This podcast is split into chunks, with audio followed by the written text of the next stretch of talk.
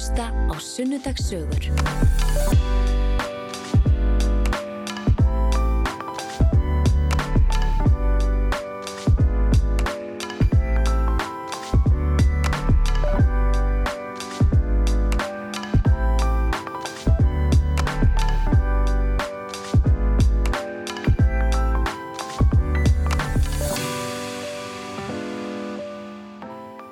Góði hlustundur og velkomin í Sunnudagssögur. Ég heiti Steini Skúladóttir og mun stýra þættinum í februar þar sem þemað verður rauðsokkur. Hópurinn sem kvatti konur til að mæta rauðum sokkum í fyrsta mægunguna 1970. Í síðustu viku var Ingi Björg Solrún Gísladóttir gestur minn og mér langar að leiðrétta að hún er annar kvennborgarstjóri Reykjavíkur en ekki sá fyrsti eins og ég sagði. Það var góður hlustandi sem að bendi mér á að það var auður auðins sem var fyrstir hvern borgarstjórin og til kamans má geta að hún var líka fyrsti hvern ráðherra Íslands. Takk fyrir þessi ábendingu. En gestur dagsins er myndvefari og rítöfundur. Hún var skólastýra myndlistar og handíðaskóla Íslands. Forstöðumar byggða og listasaps Árnesíslu skrifaði um íslenskar jurtir og um biskupsfrúr á Íslandi bjóð í bandaríkinum og fleira og fleira og fleira. Hún er að sjálfsögðu rauðsokka og var svo sem átti hugmyndina af félagsformi þeirra. Þetta er auður Hildur Hákonadóttir eða Hildur Hákonadóttir eins og flestir í þekkjana. Vertu hjartanlega velkomin. Takk fyrir. Var, ég, var þetta rétt, kynningin? Já. Svona mestu leiti, eða öllu leiti kannski? Það er myndlist A eða þú settir inn auka er Ah, það skiptir engum máli. Ok, afsakið. Vá, þetta, það, þetta er mjög margt sem þú hefur gert og líka svona í mar, margar mismunandi áttir einhvern veginn Já, og ég fekk að lifa svolítið lengi, sko, þá hef maður tíma. til þess að gera alls konar. Já. Ef við byrjum bara á byrjuninni, Hildur, hvar, þú ert alltaf kölluð Hildur. Nei, ég, ég heiti sko auður Hildur en ég þurfti að skipta um það sem þú segir, kallar á ennsku identity einhvern tíma. Ok. Það er að segja, ég vildi skipta um hlutverk í lífinu þegar ég kom heim frá bandaríkjunum og þá hétt ég sko auður Benediktsson í passanum. Ég vildi skipta og þá einhvern veginn passaði þetta. En bæði nöfnin eru, ég skýrði þetta tveimur ömmum mínum og þær voru báða dásamlegar. Þannig að það var ekki það að ég var að taka eitt nafnið fram yfir annað. Nei. En þannig að þegar þú komst heim frá bandaríkjunum þá vildur þú vera Hildur. Já, þá ég, þurfti ég einhvern veginn að finna sjálfa mig og þá, uh, og, og hitt var nafnið í passanum og skildi nú og þannig að ég, þetta, það var svona mitt nafn. Já. Þetta er svona daldið eins og svona rýbranding. Já, Já. Það, það er þessi stjeðið. Já. Þannig að hvort viltu núna vera kölluð, Hildur eða Auður? Veistu það stund, það er svolítið fyndið að hafa tvö nöfn. Já. Því þá rugglast fólk á manni. Mér er oft ruggluð saman við Huld Hákonadóttir sko í vestmannegjum og við vitum að þessu báðar. Svo veit ég líka sko að því ég er ekki mannglögg, ef einhver kalla mig auði þá hefur hann þekkt mig þegar ég var ung og það gefur mér svona uh, ábend, uh, ábendinga á hvert að kynna nú að vera sem ég er að tala við. Ég kann bara vel við þetta. Það er Já. svolítið rugglingslegt en allt í lagi. Já, ok. En ég ætla þá að fá að kalla þig Hildi í Já. dag. Er það í lagi? Já, það er meira svona, eh, ef, ef það er verið að tala um uh, sko störfin mín, þá er það einlega hildur, en ef það er svona æfin og fjörstildun og eitthvað meira prívat, þá er ég auður hildur. Einmitt. Og ætli, að því við ætlum nú að byrja á byrjunni, þá kannski ætti ég að kalla þig Auði Hildi í byrjun og svo bara skipti Já. yfir í Hildi í setni partin. Það er líka hægt. En segðu mér, Hildi, hvar ertu fætt og uppalinn? Ég er nú fætt á leyskutinni en fóreldra mín er flutt að bústaðvegin og þá var þarna sko bíli sem hétt bústaðir og þess vegna heitir hann bústaðvegu náttúrulega og þarna fórum maður að kefti mjólk, það var bara gamaldags bíli með kýr og kindur en við byggum hinum með veginn og fadir, þetta var svona svolítið frumbílis löngun hjá þeim að vera eða romantík alltaf því að vera þarna svolítið fyrir utan bæin og móður mér vildi rækta og þau bæði en þetta voru bara nakin holt sem nú er skóur þarna allt í kring og húsið heiti Bjarkarlíð og það er sama Bjarkarlíðin sem varð svo skrifstofa og hjálparstöð fyrir heimilisofbeldi. Þannig að þið bygguðu þarna áður en að það Í laungu, laungu áður, sko, áratugum áður. Já. Og hvað gerðu mammaðinn og pappi? Við hvað unnu þau? Fæði minn var uh, rítar í hæstarétti lengi framan af og var raun og veru vel þekktur útvarpsmaður því að hann held erindi um dómsmál og lögfræði og reyndi að útstýra þetta. Á mannamáli. Já, og, og tókst það. Mér er sagt að ég vil krakkar hafi setið og hlustað á hann og ég lærði eiginlega siðfræði og lögfræði svolítið á því bara hlusta á hann því auðvitað var talaði við um þetta við móður mína og eitthvað kannski kom hún jafnvel að því að reitt stýra svolítið. En eh, hún aftur á móti hafði eh, fengið að læra.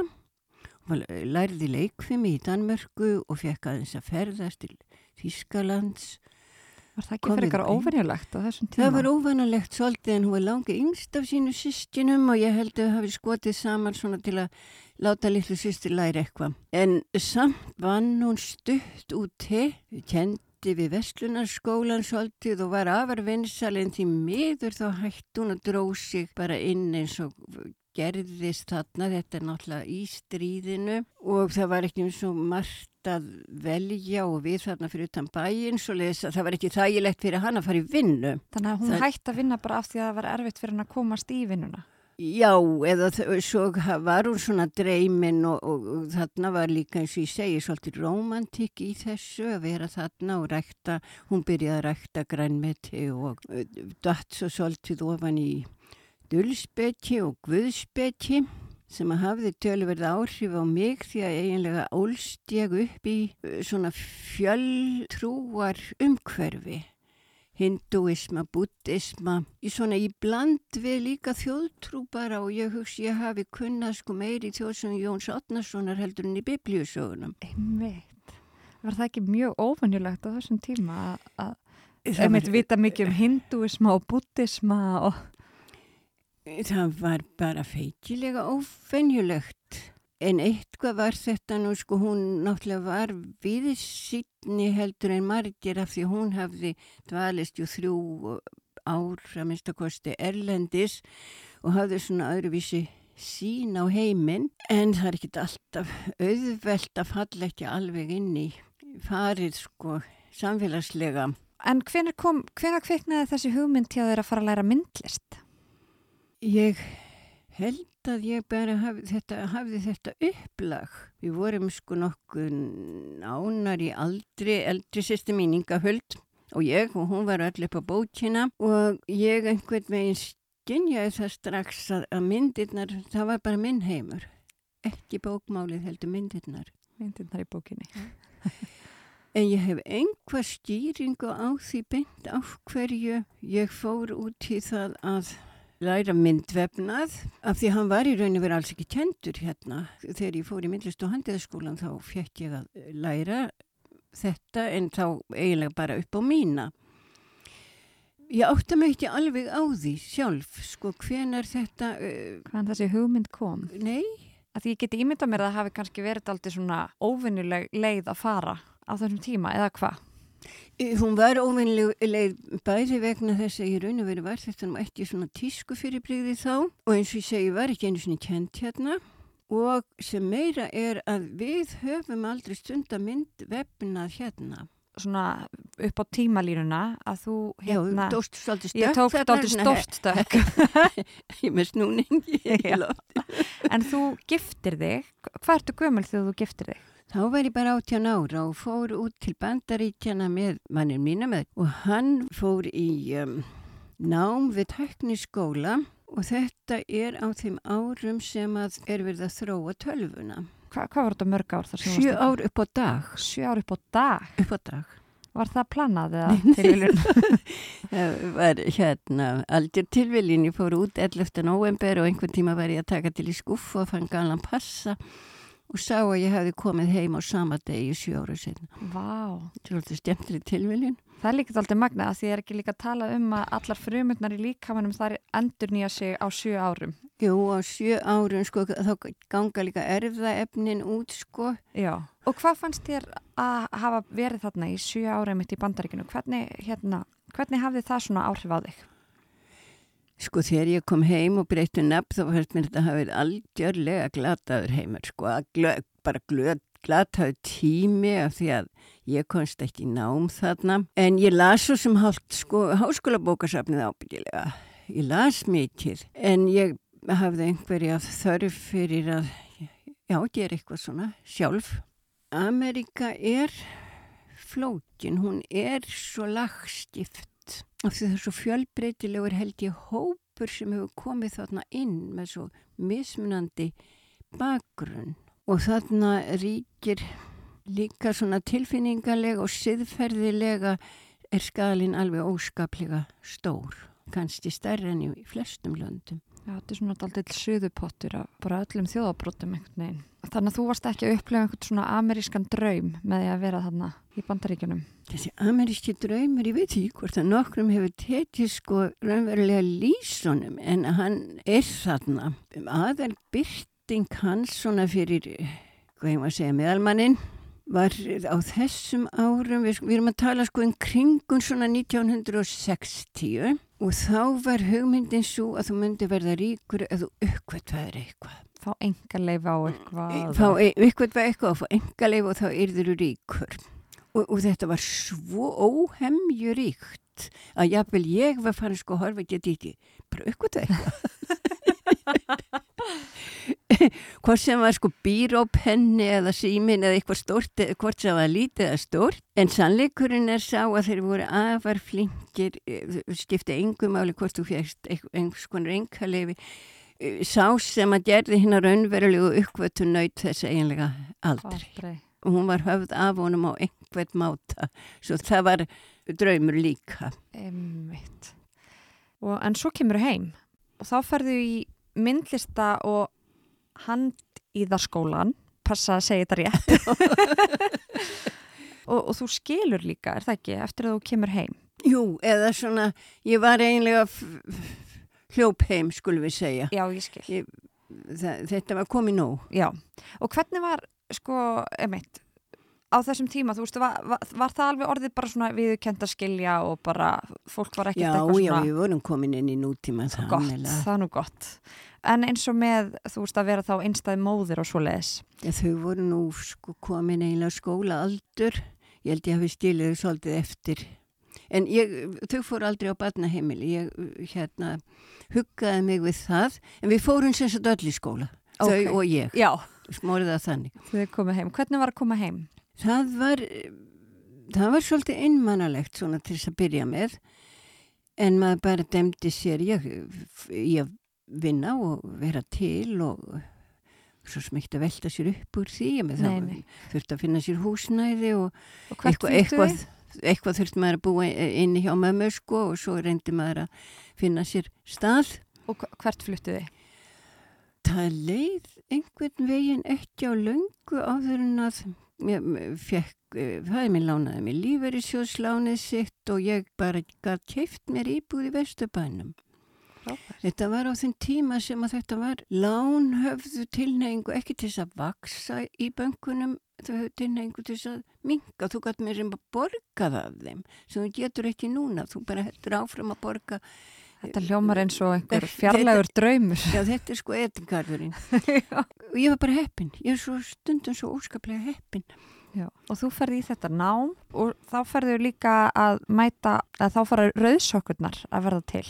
Það, þá var ég nú búinn í skólanum, það var 70 og um, ég var svona búinn í að klára námið. Ert farin að kenna þá myndlist? Einhvern veginn held ég þetta hefur verið auðveldari tími þá því að ég, þó maður hefði ekki vinna nema nokkra mánuða ári, þá gæt maður einhvern veginn klórað sig áfram ef maður, ég hafi náttúrulega lært næju semi sem eigin konar námsmanns. námsmanns þetta vantaði ekki og þurfti ekki mikið en þetta tókst fyrðanlega.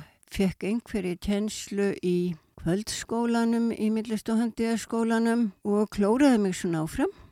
En uh, það tók mig töluverðan tíma einhvern veginn svona já að vinna mig inn í uh, samfélagið og líklega gerði ég það með því að fara með rauðsokkunum fór strax, það var Vilborg Davíð, eh, Dagbjörnsdóttir sem bara auglisti fund og svo var ringt og uh, við komum þarna saman í Norræna húsinum og það var svo undarlegt með það ég bústulega hyrði sjálfa mig taka þá ákförðun að ef ég ætlaði að vera í þessum hópi þá ætlaði ég að hafa einhver áhrif á er því. Og ég hafði þessa sín algjörlega frá upphafi að þegar ég kem til Íslands þá finn ég að þetta er að sumuleiti svolítið frosið samfélag félagslega. Þú hefði náttúrulega allslags félag og þau eru all byggð upp eins og, en þú kýst alltaf formann og svo færðu rittara og svo færðu gjaldkjara og í stærri félagun alltaf býrðu til nefndir og svo er hinn almenni félagsmaður sem borgar félagsgjöldin sín og fær að vera með. Og ég sá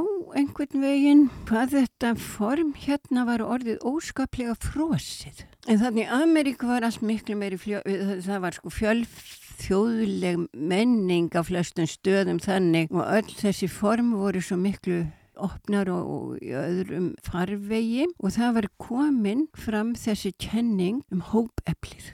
Það var ekki til á Íslandi. Hópeflið sem bara að gera eitthvað til að hrista hópin saman? Nei, það var þessi kenning ef að þrýr væru að vinna sama verk þá væri áorkuðu þeir miklu meira heldur en að þrýr einstaklingar myndu gera einn. Hver er sínu hodni? Hver er sínu hodni og það var lett saman. Það er allt, allt annað en ég var að tala um með hópöfli. Já, hitt náttúrulega fylgdi svolítið mér og í dag ef maður segir þetta þá, ha, hvað er það segir fólk sko, en þetta, þessi hugsun, þetta var næstum því eins og starfræði jafna, þessi hugsun var ekki til jafnveg þó svo að þú vissir það sko ef þú þátt að draga þungarstein þá er það allir saminast um það. En hún fættist einhvern veginn bæði þarna ekki á Östuströndin þar sem ég var sko í Kaliforni í mentastofnunum þar og í Svíþjóð og um, það stóð svo úskaplega fast í mér að það þurfti að losa til þess að fá árangur. Ég hef verið svona svolítið eins og hersöðingi sem bara er að undirbúa árás. Við vorum að undirbúa ekki árás heldur allögu að samfélaginu. Og ég var svo sannfærð um það að við yrðum að rjúfa þetta gamla félagsform og hafa fjöldarhefingu og ég hafði þá sín líka sem að var nú held ég hári rétt að þú leggur út í svona baráttu þá máttu ekki reyna allt og mikið á þig. Þú voru líka að passa þú haldir þinnir orku og getum þannig að ég var að reyna að koma þeirri hugmyndi að sko að þú ert rauðsokka þegar þú tekur þátt í einhverju. Þú ferði í hóp og vinnur þar og þá ertu rauðsokka eða þú kemur á fund og ertu rauðsokka en þú mátt draga þig tilbaka inn í þitt samfélag. Þú mátt ekki reyna svona mikið á þig allan sólarringin. Svo ferð þú heim bara og bakar þína tertur og, og sinnir þínum húsmáðurstörfum og ferði háa hælan eða hvað sem þú þarf að gera. Þú mátt ekki reyna of mikið á þig. Var það þá að þú ætti bara að vera að sinna rauðsökunum þegar þú varst á fundum eða í nefndum, ekki að vinna þess utan eða? Ég, ég vil nú ekki draga línuna svona hægt Nei, sko. að það kannski bara var skilningur fyrir því að það, að það eiga allir líka það sitt var, líf Það var þessi skilningur að þú þyrtir að eiga sitt líf og um, það var ekki meiningin að sundra neinu en hitt var annað að ég gerði mig líka grein fyrir því að þetta sem við kallum já, misrétti eða ég segi að við höfðum ekki aðgang nema að hluta þjóðfélagsins. Og ég gerði mér grein fyrir því að hérna var hver einasti hlutur í samfélaginu eiginlega gegn sírður þessari hugsun að konur sætu við læra borð og það þyrti að allstaðar frá að taka á þessu misrétti. Af því að við vorum, við vorum að fara fram á alltaf að fá jafna aðstöðu, sérstaklega til náms og tækifæri til þess því að í dag finna, finnst þér auðvitað fáránlegt að neyta einhvern þjóðfélagshópi um, sko bóstalega neyta, þú, þú færð ekki að mynda þig. Já. Við erum þó konið þetta langt, sko, við stynju þetta bara sem reynustu fordild. Einmitt og það var margt sem að þið voruð að berjast fyrir þarna sem einmitt í dag er bara sjálfsöður hlutur. Sjálfsöður hlutur í dag. Og, þurft þóttið ekki þarna. Hvað var það svona sem að gaf þér þennan kraft til þess að mæta á fund? Ég veit ekki hvað það var. Nei. En ég held að það hafi verið einhvers konar, ég fekk bara aðra sín á samfélagið og, á, og ég hef alltaf átt svolítið auðvelt með að hugsa langt fram í tíman og langt aftur og tengja það saman. Einhvern undarlegan máta þá bara stildi ég við þurftum að hafa annað ef við, það var svolítið eins og stærilega hernaður Þú komst fram á ákveðinu stöðum en þú hefði ekki félag, þú hefði enga formann, þú hefði enga félagsgrá og það í raun og veru vissi engin hver var rauðsokk og hver var ekki rauðsokka og það gaf okkur svo mikinn kraft. Einmitt, ég las einhver staðar að þú hefði sagt hérna, þú ert hverki örugur, það gæti verið rauðsokka heima hjá þér. Gæti verið, það, var, það var það sem að, já, við, og, og þetta borgaði sig vegna þess að við náðum alveg ótrúlegum árangri á örfáum árum, miklu meira heldur en maður hefði í raun og verið þórað að vona. Og af hverju heldur það að hafi náð svona miklum árangri? Stelputin voru náttúrulega klókar að í staðin fyrir að vera að krefjast einhvers þá fóruður rannsökuðu málinn og settu það upp stípulega, bara bóstaflega í á vegspjöldum og síndu fram á þetta með sömu raukfærslegin og kallarni nota svona fóru að tala bara þeirra tungumáli, eitthvað svona sem þeir skildu. Ég held það en samt með sko hópstarfinu sem við höfðum þá komum við öðruvísi að því og það var ekki hægt að kalla neina fram til ábyrðar fyrir skoðanir hópsins því það var einnig sameigli skoðun og þessi bara áttu aðferð hún borgaði sig á þeim tíma, kannski hittum við bara nákvæmlega á einhver tíma punktar sem að þetta var hægt í samfélagi sem var passlega stort til að veri mögulegt. Hvernig var þetta, hvað var að gerast, varst að fylgjast með hvað var að gerast í svona baróttu út í heimi á sama tíma? Voru þá sömu svona sama þróun að eiga sér stað? Ég held að það hafi verið mjög ámáta í löndunum í kringum okkur.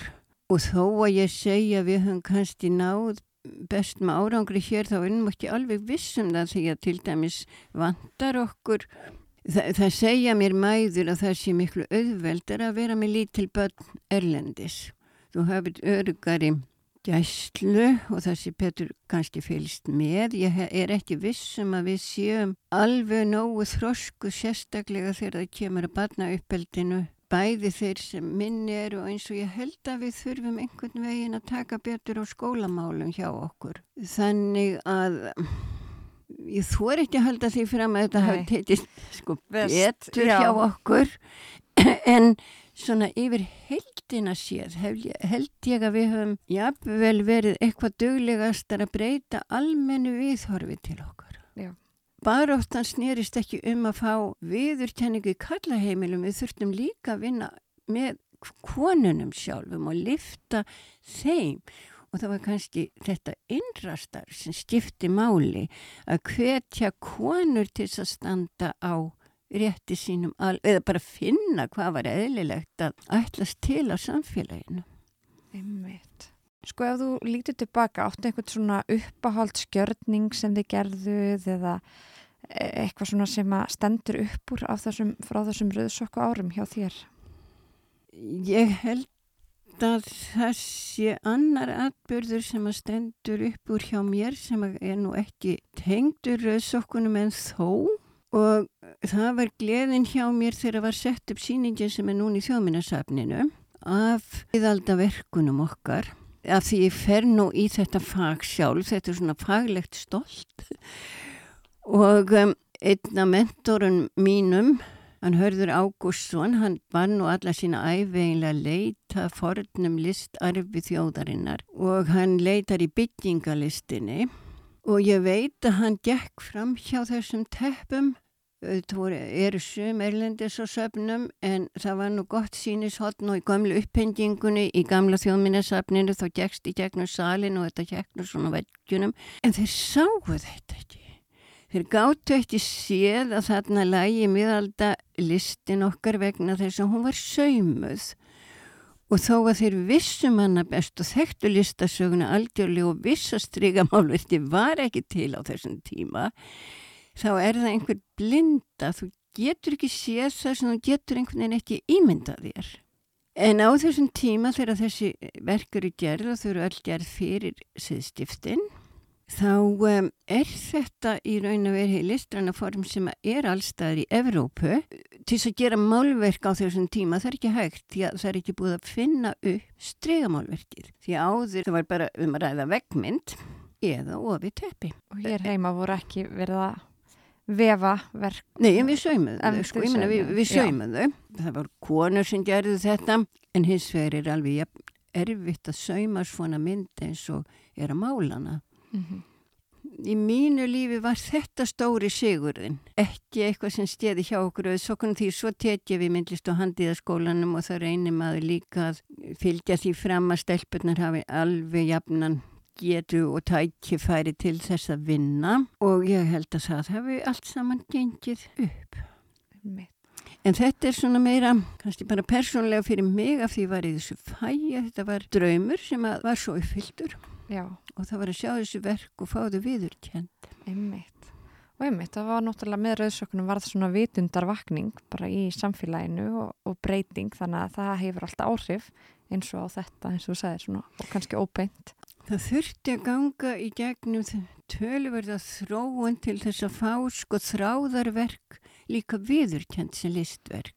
En það stjeði um svona jamt um allan heim. Mm -hmm. og núna ef þú ferðin í stórt listasöfni hvaða borg sem er þá býstu við að sjá tvent sem að var eiginlega gert sko útlegt úr listaheiminum þegar ég er að byrja þarna. Málverti er ennþá ríkjandi búið að eiga náttúrulega sína glæsilegu fortið og um mörg hundru ára og pólitísku list eða sem við myndum kalla sko samfélagslist í dag var litin hotnauga og eins textill en núna bara bóstöðlega býstu við því þegar þú gengur inn í stórt listasafn að þú finnur annarkvört stóra síningu sem snýst að einhverfis list textil eða þá konum almenn. Þannig að það hefur orðið algjör bilding í þessum heimi sem að á að sína listina þar séu listasöfnum og fólk gerir sér heldur ekki grein fyrir því hvað þetta verður stjöð á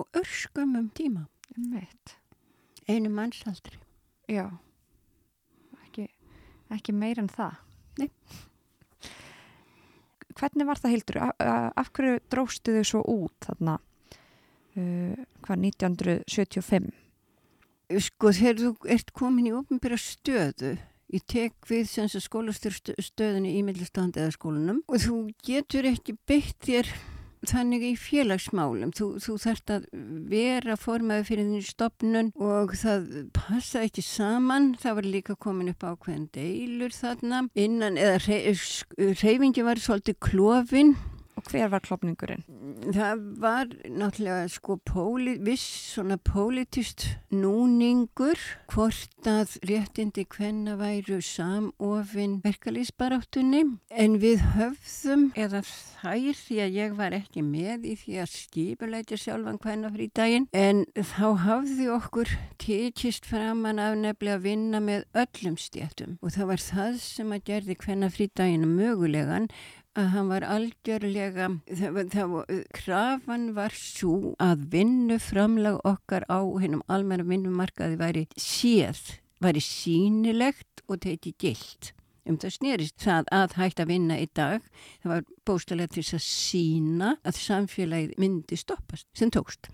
En þetta fór ekki saman og það voru líka vissa breytingar sem fór að koma þarna inn eftir hvenna frítaginn held ég að það hafi verið. Að það voru komið upp mjög sterkar vinstri pólitískar hreyfingar, eða kollu þessi vinstri, pólitískar hreyfingar sem í raun og veru réðust á hreyfinguna. Vildu nýta sér hana og þá var það eitt liður í því að vera stjæriliði þá lestuði bara hverfa.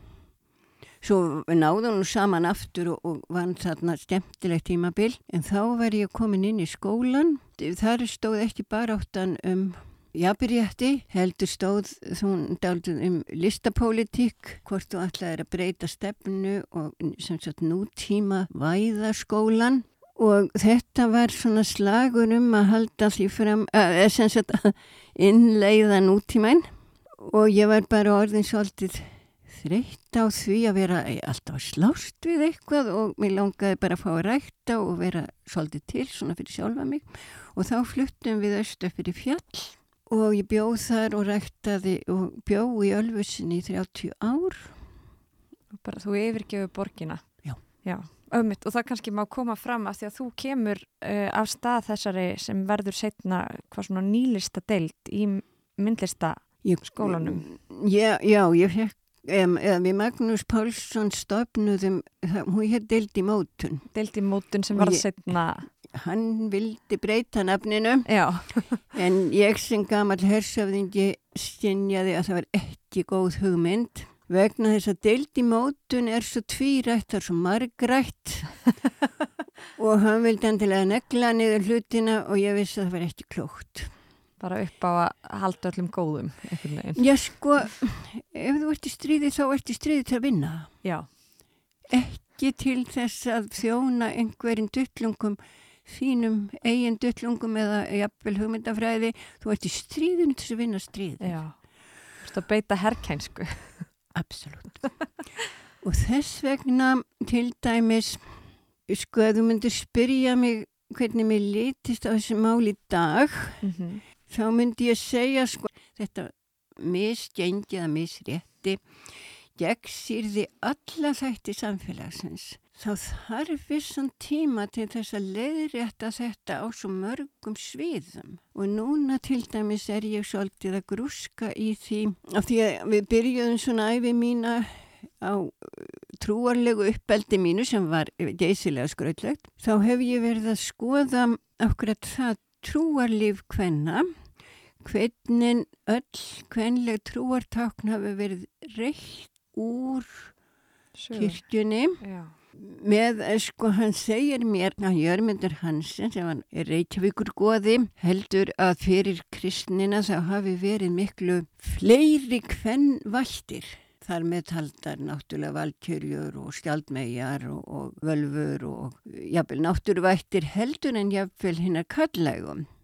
Hann segir þetta og um, svo þegar katholikkirkjan kemur þá sér hún að þetta gengur nú ekki þó að það kannski langa ekki til þess en svo þeir auka í raun og veru veldi Maríu í kirkjunni og taka svo inn hvern dýrlinga held í okkar trúalífi frá kristni og þanga til siðbreytingin kemur og það eru svona tíu kvendirlingar sem eru þekktir hérna vel. En svo með siðbreytingunni þá er náttúrulega dýrlingunum að hend út en það kemur ekki til staðin og helmingnum eða rúmum helmingnum að Maríumessunum er hend út og við höfum ekki eftir bóstaflega nema sirgjandi konu í trúnni.